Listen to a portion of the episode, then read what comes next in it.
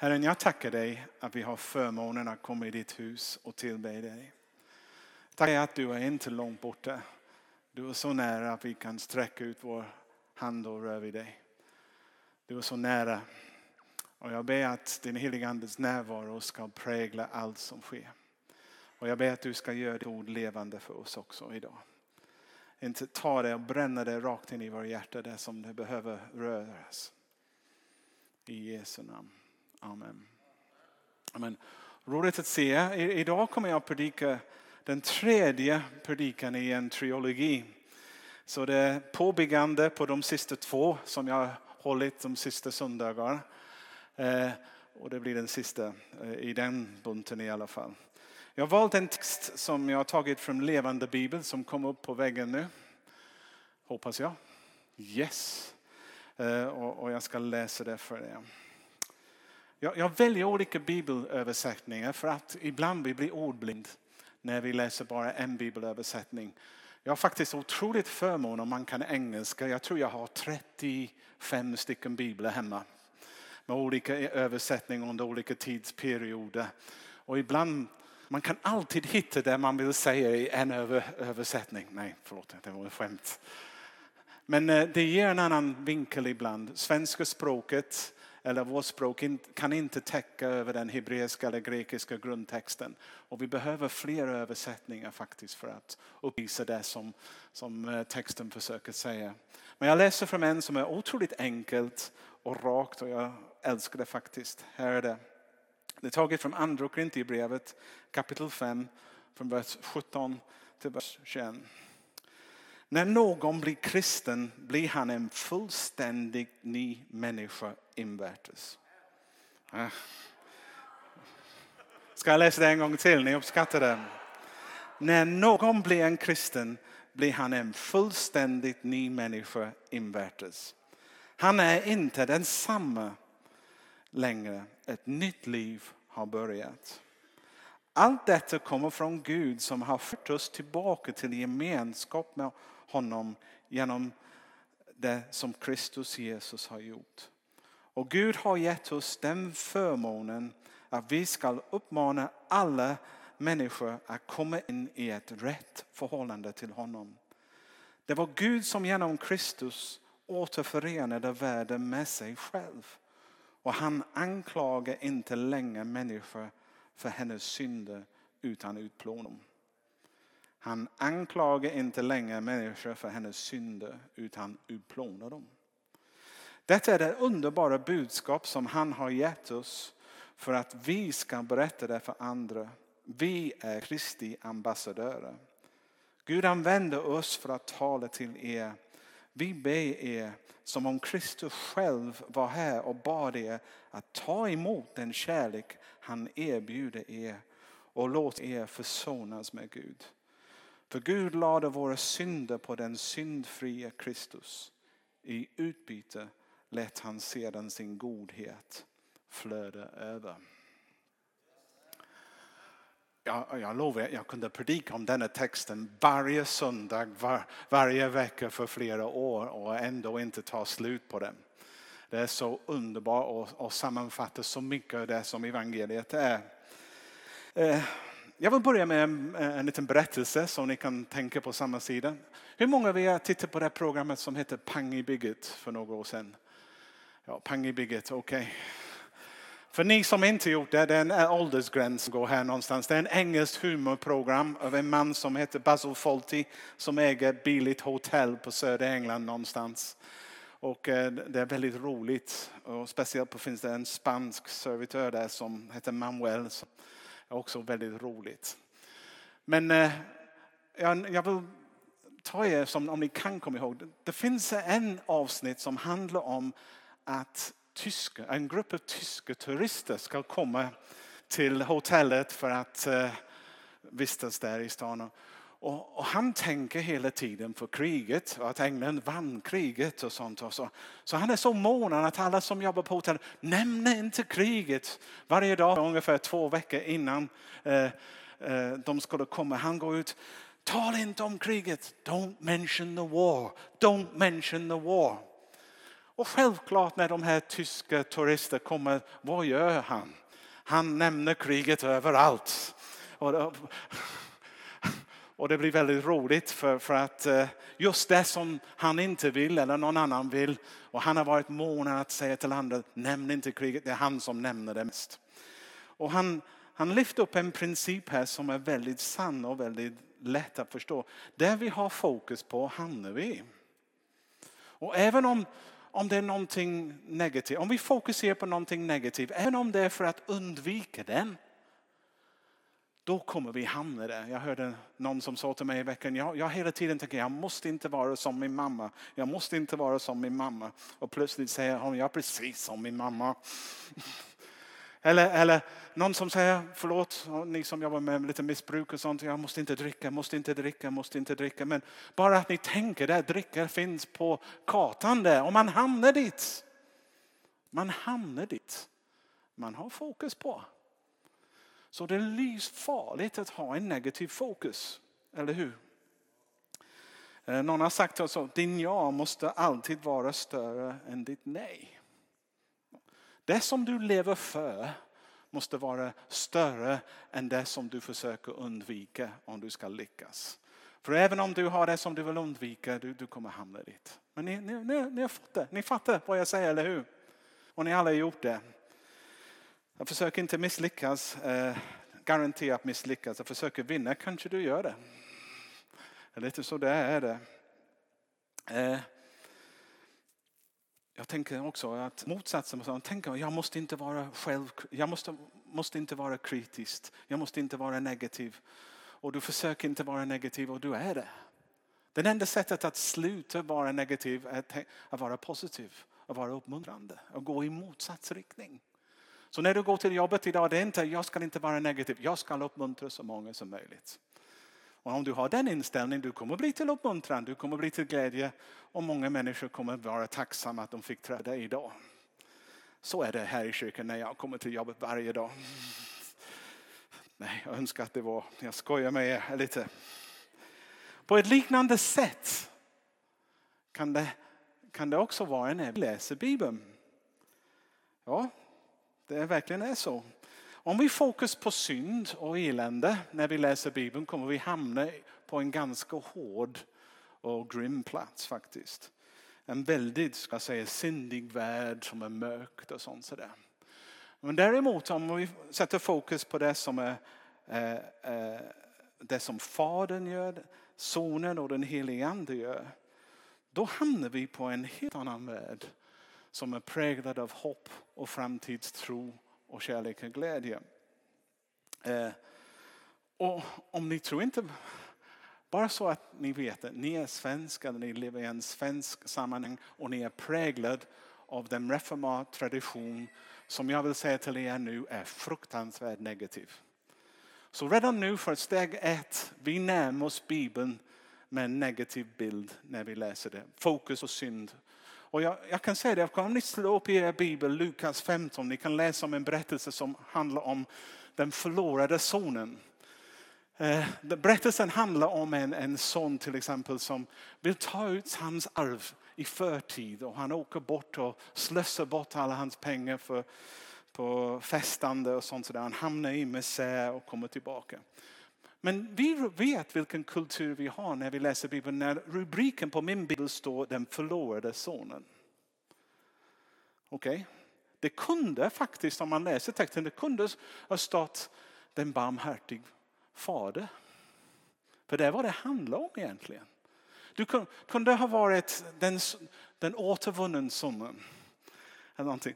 Men nej, våra texter de leder oss, även om vi inte är medvetna om det, om rubriker, att fokusera på det som är negativt. Och sen hamnar vi i en massa elände, eller hur? När man läser det, om vi väljer det sättet att läsa texten, vi snart hamnar i fruktansvärd. Ja, och vi kan lätt hamna i en moraliserande, vad kan jag säga, en moraliserande förståelse. Om, man kunde, om jag skulle predika, om jag skulle läsa den text och förbereda mig den text utifrån den synvinkeln och närma mig sig det. Då skulle jag kom, kunde lätt hamna i en predikan som säger att slösa inte bort din pengar på nöje. Moraliserande. Välj din sällskap med omsorg. Och det är väl bra, eller hur? Och synd gör dig fattig, kunde jag till och med haft en rubrik. Eller respektera dina föräldrar. Jag kunde ha en moraliserande predikan som, som i och för sig inte är farligt. Det är bra. Men det är inte evangeliet. Hör Det är inte evangeliet. Om vi då istället skulle fokusera på, på Fadern i berättelsen. Då skulle vi landa direkt i nåd. Och kärlek. Och vi skulle förstå, oj vilken far vi har. Tänk på det, han, han gjorde det, han, han, straffade inte honom, han, han tog emot honom. Han, och plötsligt man vill lära känna den far mer, hur? Det är bara ett exempel som jag kunde ge er hundra av. Av hur vi är påverkade av vår kultur, säkert vår kyrkokultur, hur vi läser till och med Bibeln och vad det kan leda till. Och i västvärlden på grund av vår, eh, jag kallar sig reformat tradition, har kyrkan fokuserat alldeles för mycket på synd och hur vi kan få bukt med det. Det är synd överallt. Synd. Jag, jag har många, jag, jag har levt ett tag nu och varit på många olika eh, event och sånt. Och jag minns två berättelser kommer jag ge nu. En av dem, jag var med i en team och vi skulle ut och evangelisera. Eh, och jag var med en, en annan kille från ett annat land, han, han, han var med oss. Han sa, jag tar första. Och han, vi knackade på en dörr och en kvinna öppnade där försiktigt. Och han sa, hej, jag heter det, han heter det. Vi är från en lokal kyrka och vi har kommit för att berätta för dig att du är en syndare på väg till helvetet. Jag såg på hennes ansikte att det gick inte hem så bra. Och även om vad han sa var tekniskt rätt, man kan säga jag är säker på det. Hans sätt att försöka förmedla evangeliet gjorde att hon knappast var mer öppen för att möta Gud eller, eller någonting annat. Och hon stängde dörren och förmodligen har stängt sitt hjärta också till allt som kyrkan står för och vad de vill försöka förmedla. Absolut ingenting bra. Eh, evangeliet heter goda nyheter. Ha det för öron. Jesus säger dela goda nyheter med människor när du träffar dem. Och, och att kyrkan ser ut som det gör idag tror jag för att vi, vi fattar inte vad goda nyheter är för något. Eller vi har missat en väldigt viktig del av det. Eh, vi har förvandlat det till någonting som låter hemskt. Och vi undrar varför det inte är så attraktivt för människor. Och vad de inte tar till sig den. Nu min andra berättelse. Nu jag vill berätta min absolut värsta upplevelse eh, som jag varit med om i en kyrksammanhang. Jag hade en grupp av konfirmander och vi var i England och vi skulle besöka olika kyrkor. Och vi besökte en kyrka eh, som var en viss tradition och jag tänkte fruktansvärt mycket synd hade vi. Och sen vi skulle sjunga en psalm som de hade skrivit. Och psalmen var ungefär så här. Uh, you might think you're good, you might think you're kind, but it's no good. Because God can't be your friend because of your sin, your sin, your sin. Och alla verser hade någonting som kom sådär och sen själva refrängen var on God can't be your friend because of your sin, your sin, your sin. Och, och jag tittade på de ungdomar som var bredvid mig och de sa, får vi sjunga sånt? Och sånt? Nej. Man kunde ha sjungit och Gud vill vara din frände. Han har tagit hand om din synd, din synd, din synd. Men nej, hela gudstjänsten var fokuserad på det negativa. Och jag tänkte, de tror att de evangeliserar. De tror att de är bibeltroende. De tror att de är trogen Gud i vad de gör. Men de hade missat målet. För ni som inte kan svenska, jag sa att de sjunger att Gud kan inte vara din vän på grund av din synd, din synd, din synd. Eh, det var det som de sjöng som sin referens och gjorde det till högpunkten i musikaliskt också. Och jag tänkte, så dåligt kan vi inte vara. Så låt oss närma oss igen dagens text. Kan vi ha texten upp igen, den som vi började med, så ni kan ha det. Om vi skulle läsa den texten igen med fokus på Fadern, Sonen och den helige Ande. Vad är det som vi tar del av? Vad är det som är så underbart? Ja, den första, och det är intressant att någon sa halleluja när jag läste det, var att Gud har gett oss ett nytt liv. Fullständigt också, inte lite. Han, han har faktiskt fixat ett helt nytt liv för oss. Nu, det låter god nyheter tycker jag. Det finns ingenting som är tungt eller synd i det, eller? Nej, det är fantastiskt. Och sen var det den andra. Han har fört oss tillbaka till gemenskap med honom. Syndens destruktiv påverkan är utplånat.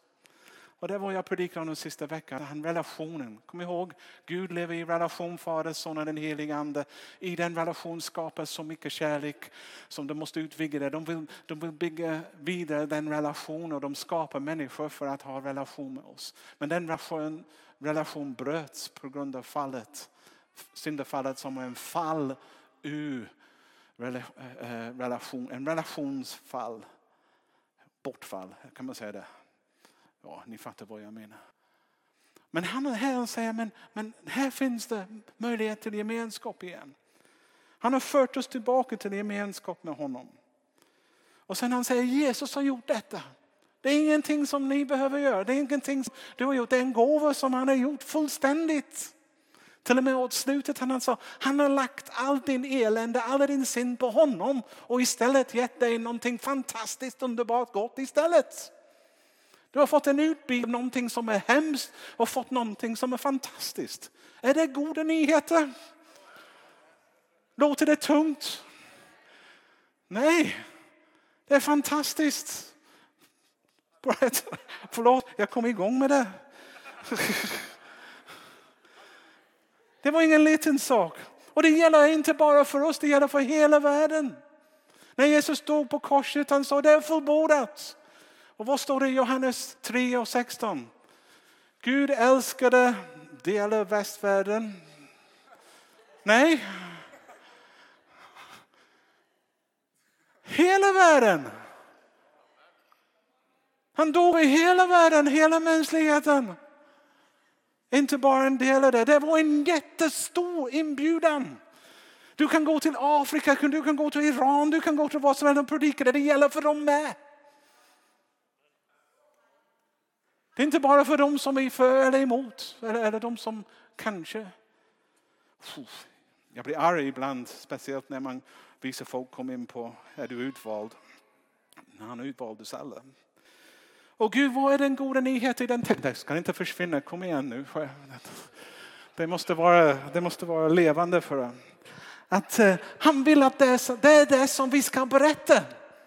Och vi ska försöka övervinna folk och säga hur fantastiskt det är. Det är vår uppgift, inte gå ajabaja. Det fanns en man när jag åkte, jag åkt på många motorcykeltävlingar när jag var ung. Och eh, det fanns en man som hette en sandwichboard. Han hade en plakat framför sig och bakom sig. Han var med på varenda motorcykeltävlingsmöte. Och han stod där när vi alla körde ut och på framsidan av hans skylt står syndens lön är döden. Och på baksidan hade var beredd att möta döden. Han evangeliserad i hans värld. Det var det som han trodde var att förkunna evangeliet för de eh, tuffa motorcyklister som, som åkte däremot. Men Gud vill att vi berättar för alla människor att Gud har, har fixat detta. Han har skapat ett nytt liv och det är möjligt. Jag tänker sista punkt jag hade här, jag redan nämnde det. Gud lade vår synd på Jesus och ersatte med ett liv i överflöd. Jag kan inte tänka på någonting som är mer god att berätta för Allt det som är tungt i ditt liv, allt det som är fel, allt det som du vill bort har Gud faktiskt tagit bort det och lagt det på Jesus så att du kan få någonting annat istället. Och han vill bara att jag vädjar till er att acceptera hans erbjudande och kärlek. Jag har många gånger som ung man varit ut med de fyra andliga sanningarna. Jag vet inte om ni har hört talas om det. Ni som nickar lite, ni har varit med också. Jag skulle skriva om dem faktiskt. Jag skulle börja som här. Den första andliga sanningen. Gud är god och inte arg. Han faktiskt söker upp dig. Ett. Gud är god. Och han vill ha en relation med dig. Och han försöker nå dig. Det är punkt ett. Och sen två, möjlighet nu finns för alla som vill att ingå i en relation med Gud. Han vill lära känna dig. Punkt tre. Synden är inte längre ett problem. Jesus har tagit hand om den och dess makt är nu bruten. Ja, några pingstvänner finns kvar i huset. Pia, Missa inte denna erbjudande. Den kan fullständigt förvandla ditt liv från insidan ur. Fyra andliga sanningar. Gud är god och inte arg. Faktiskt sök upp dig. Möjligheten nu finns för att vi kan ingå i en relation med honom. Han vill lära känna dig. Och tre, synden är inte längre ett problem. Jesus har tagit hand om den biten. Och fyra, missa inte den erbjudande som han har för dig. Notera att jag inte minskar synden. För det, det, finns två traditioner i kyrkan. Det finns den dömande och sen finns det den liberala som försöker säga men synd är inget problem. Gud är kärlek och allt är okej. Okay. Allt är inte okej. Okay. Men jag försöker inte minska synden. Jag försöker lyfta det som Jesus har gjort. Okej, okay. betona det mer.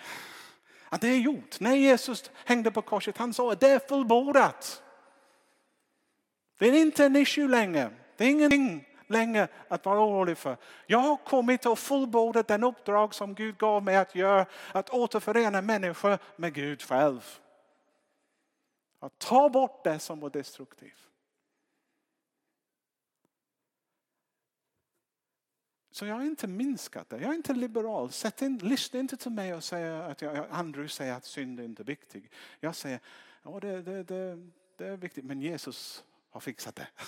Och det räcker faktiskt. Det räcker. Jag behöver inte fokusera på det annars jag kommer hamna dit. Som alla präster som försöker synda sin sen plötsligt du märker att de har sprungit iväg med kanton.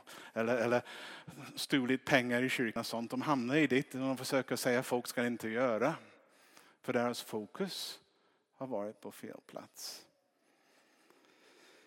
Jag vill ägna inte mycket tid att grubbla över synden. Utan jag vill att vi ägnar tid att grubbla över storheten av det som Jesus har gjort. Storheten av Guds kärlek. Storheten av hans generositet till oss människor. Och det finns en enorm skillnad faktiskt mellan Guds sätt att tala och fiendens sätt att tala. Och min tes idag på min predikan är att kyrkan ibland tror att de hör Gud tala och härmar honom när de försöker tala om evangeliet till världen. Istället de använder fiendens språk och fiendens begrepp och fiendens fokus istället för Guds fokus. låt mig säga sådär. Ett sätt att säga det är att den, om jag gör någonting dumt, och det händer alldeles för ofta tyvärr. Jag kan, jag, det finns någon i Bibeln som kallar, kallas för broders anklagare. Satan, fienden eller något. Han försöker övertala mig att Andrew, du är värdelös. Se, du har fallit. Du, inte, du förtjänar inte stå där på riket. Vem tror du att du är? Och det kommer så bara där. Du, du, du, du, lika bra att du lägger av. Gud är så besviken på dig. Han har satsat så på mycket för dig. Han har gett dig så mycket. Och du kommer, du, du bara kör bort det. Vissa människor, vissa kristna, de går, ja Gud jag är sån. De tror att det är Gud de lyssnar till. Skillnaden mellan Guds sätt att tala och Satans sätt att tala är Gud säger så här. Mm, Andrew, det var inte så bra. Du är skapad för bättre än detta. Det var inte meningen med ditt liv att du skulle göra det. Kom igen nu. Det finns en skillnad mellan upplysa och att anklaga. En av dem försöker dra mig ner. Den andra försöker lyfta upp mig. Vilken är Gud? Ja, jag trodde att jag hade fullständigt misslyckats där.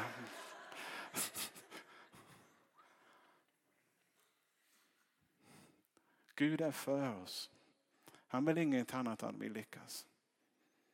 Han har ingen att vinna att bara stampa på oss och, som att vi fimpar en cigarett. Han skapade oss för han vill ha en relation med oss. Han skapar oss för han älskar oss. Han till och med har skickat sin son att dö på ett kors och att han kan fixa allt detta. Det är vårt val. Vem lyssnar vi till? Var har vi vår fokus? Är ni med? Jag har inte tråkat ut er än. Jag kommer till Ja, men det händer ibland som hos predikanter. Jag, när jag var i Vargön för tio år, varje vecka jag hade två som sov. Och det spelar ingen roll vad jag gjorde. En av dem bara... Och han alltid satt ungefär där och den andra var den sidan så jag fick bara titta i mitten.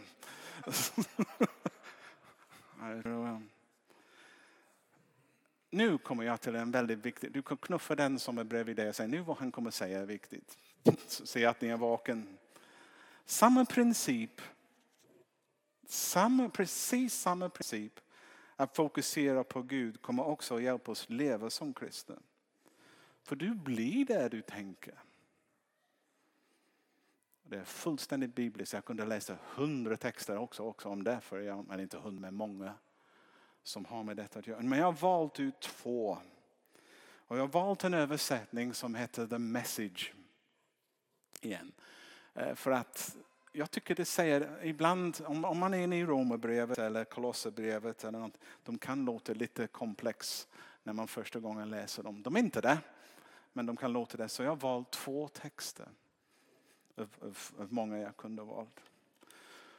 Om ni menar allvar med att leva det nya uppståndelselivet med Kristus, visa det också.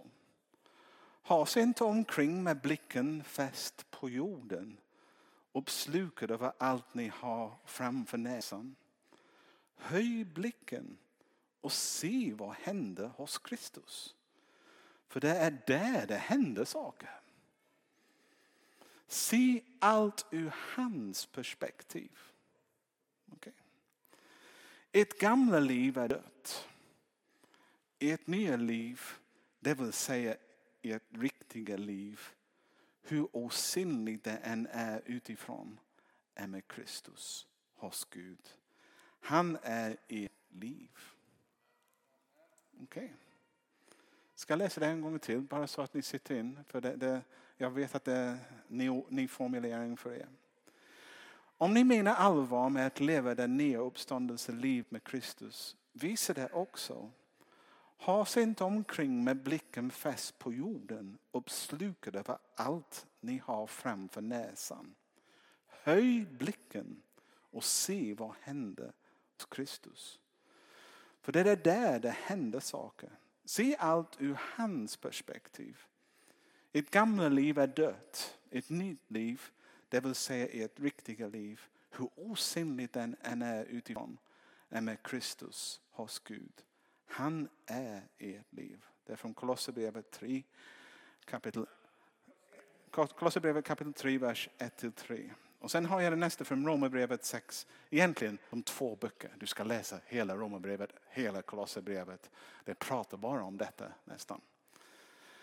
När Jesus dog tog han med sig synden ner i graven. Men nu när han lever tar han med sig Gud ner till oss efter ska ni tänka så här. Tänka så här. Nyckel. Håller det. Tänka så här. Synden talar ett dödsspråk som du inte förstår.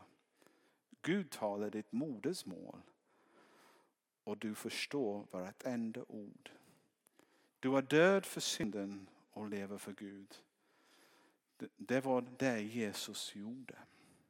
Du är död för synden och lever för Gud. Nu detta är superviktigt att vi fattar detta. För det tog mig alldeles för många år att fatta det. För, jag, för det nämligen var så här att jag fick inte min teologi gå ihop med min verkliga liv. Jag hade trott och förstått att jag, den gamla andra är död och den nya andra har uppstått. Problemet med mitt liv var att den gamla Andrew var inte död. Han var väldigt levande, alldeles för mycket. Och jag tänkte, men vad, vad händer? Är han död eller inte? Är han igång eller är han besegrad?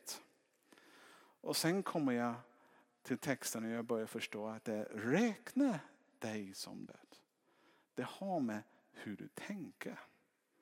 Vi ska tänka att vårt gamla liv är död. Och tänka att vårt nytt liv som är den viktiga liv är den verkliga. Och sen går vi in i det. För vi hamnar där vi tänker. Har ni fattat det? Till exempel, någon sårar mig. Eh, det kan hända ibland. Eh, och säger någonting sådär. Jag har ett val. Ska jag gå hämndens väg? Ja, det var orättvist. Det var fula saker de sa. Jag kan slå tillbaka på det. Jag har valt en väg som väcker liv i den döda Andrew. Och jag går dit. Och om jag följer den vägen, det är en spiral ner till vad kallar det? Uh, the pit. Cesspit. Ja, bra Roger. Du kommer bara stinka om du går, följer den vägen ner. Du blir fylld bitterhet. Det finns inget liv i den riktningen. Men när sånt händer, man ska räkna det. Nej, det är inte det livet som jag har. Jag ska räkna och följa Kristus istället. Och vad skulle Jesus göra? Och istället väljer jag att jag går inte dit. Jag ska inte grubbla över vad folk har gjort eller sagt. Jag ska inte grubbla i min egen misslyckande. Jag ska inte grubbla över allt de dumma saker som jag har gjort. Det är dött i Kristus, det är täckt av hans blod. Jag ägnar inte tid åt det. Jag ska tänka istället, Gud vad har du för mig? Hur kan jag bli till välsignelse nu i denna sammanhang? Hur kan, hur kan jag vara olja i maskineri istället för grus i maskineriet? Och det är val. Och det är vad Paulus försöker säga. Räkna dig själv till död på synd. Och vara levande till Jesus. Förstår ni det? För det, ärligt sagt, det, det kan förvandla ditt liv. För, förut tänkte jag lite du kan läsa om det i Romarbrevet 7 när han säger, jag vet inte vem jag är, det är saker jag ska inte göra, jag, jag gör det. Och det som jag borde göra, jag gör inte det. Vem vill rädda mig från denna bedrövlig kropp? Förlåt, det var en ganska fri översättning.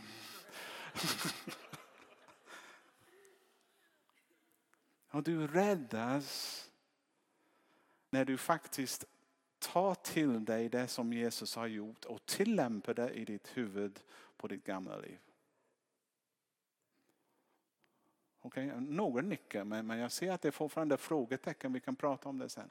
Om du väljer den andra vägen är det liv istället.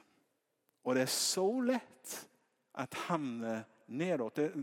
Tyngdlagen gäller i de här sakerna. Om du inte anstränger dig, om du inte aktivt väljer Jesu väg, du kommer hamna ner. Det är det som dragningskraften är som man går till. Eh.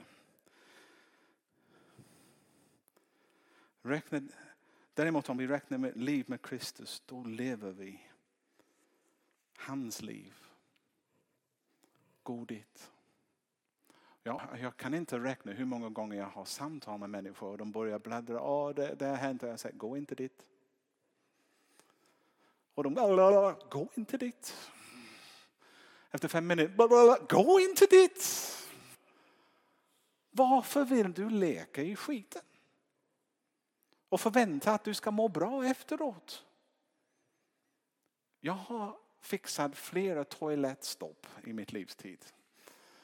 Och jag kan säga att jag aldrig ser fram emot att stoppa händerna ner i, i den eh, skålen där och börja fixa till det.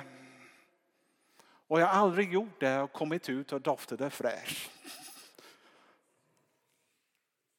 Men vi tror vi kan leka med sådana saker eller besöka dem utan att göra oss illa eller påverkas. Vi är grundlurade om vi tror det. Gå inte dit. Och den största seger du kommer vinna i ditt kristet liv är här uppe i ditt huvud när du börjar, som Paulus säger i Romarbrevet 12, vers 2, låt er förnyas genom synd, äh, syndens sinnet, inte synd, ja, vi ska inte tänka synd nu annars har jag hamnat dit. Sinnets förnyelse. Det är därför det är så viktigt. Det är där som det behöver förnyas. Vänner, vi har inte råd att tänka en enda fel tanke. Vi har inte råd för det. Det är där vi alla behöver frälsningens hjälm på oss. Jag har några motsatser här som jag kommer läsa upp. Vad vill du egentligen? Och jag använder du nu, inte vi. För jag talar till dig som sitter här. Eller ni lyssnar på datorn. Vill du leva i gårdagens elände?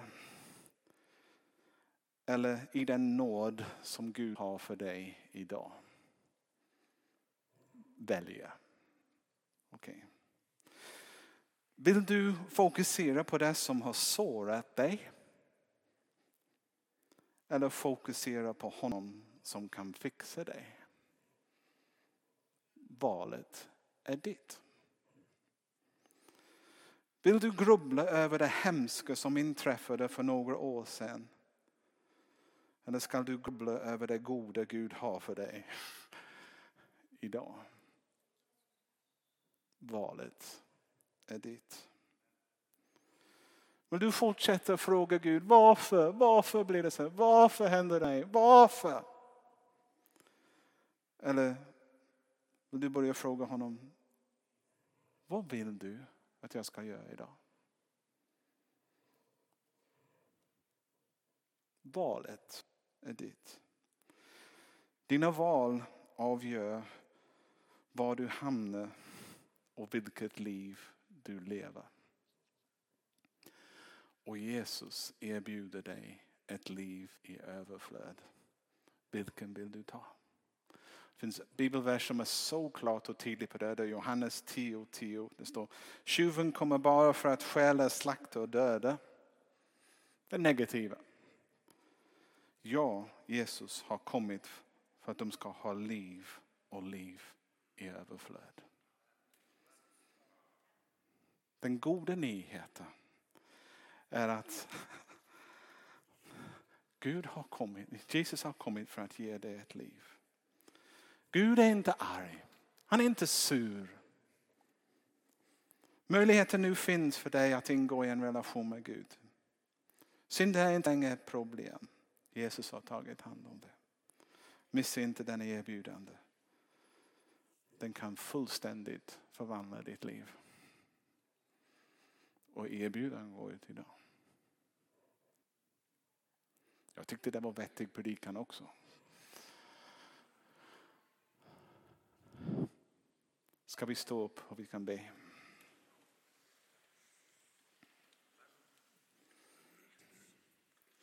Herren, jag, jag ber att du vill lära oss den goda nyheten som du tänkt vi ska berätta för människor. Jag ber att du ändra årtal av kultur, av speciellt frikyrkakultur också som har präglat vårt tänkande. Att hamna på det negativa och inte det som du gör. Rätta till det sen när vi beskriver oss själva och vad vi inte gör istället för vad vi gör. Kom helige Ande. Kom helige Ande. Jag ber speciellt för er som, som det är dags för en ny start. Du har fastnat i negativt tänkande för länge. Du har fastnat i det som du har misslyckats i. Du har fastat, Gud säger jag vill inte att du fastnar, jag har en helt annat liv för dig om du vill ha det. Och det är det som jag erbjuder dig idag. Vill du ta emot det? Valet är ditt. Valet är ditt. Jag vill också be för några speciellt som har en väldigt negativ syn på allt. Du ser bara det som är destruktivt. Gud vill ge dig nya ögon ikväll. När du kan se det som han gör och fokusera på det istället för vad fienden gör. Och fokus på det. Den möjligheten. Ta emot det nu. Och det hjälper också ibland, jag tycker när det har med våra tankar att göra, lägga händerna på huvudet och säga Gud befria mitt huvud. Jag behöver det nya sinnelag. Jag behöver förvandlas här inne. Så kom heligande, gör ett stort verk i mig jag ber. Gör mig till den människa som du skapat mig att vara. Hjälp mig tänka som den människa som du tänkt att jag ska vara. Hjälp mig vara en ambassadör av godhet och frid. Tack Jesus att du hör min bön. Amen.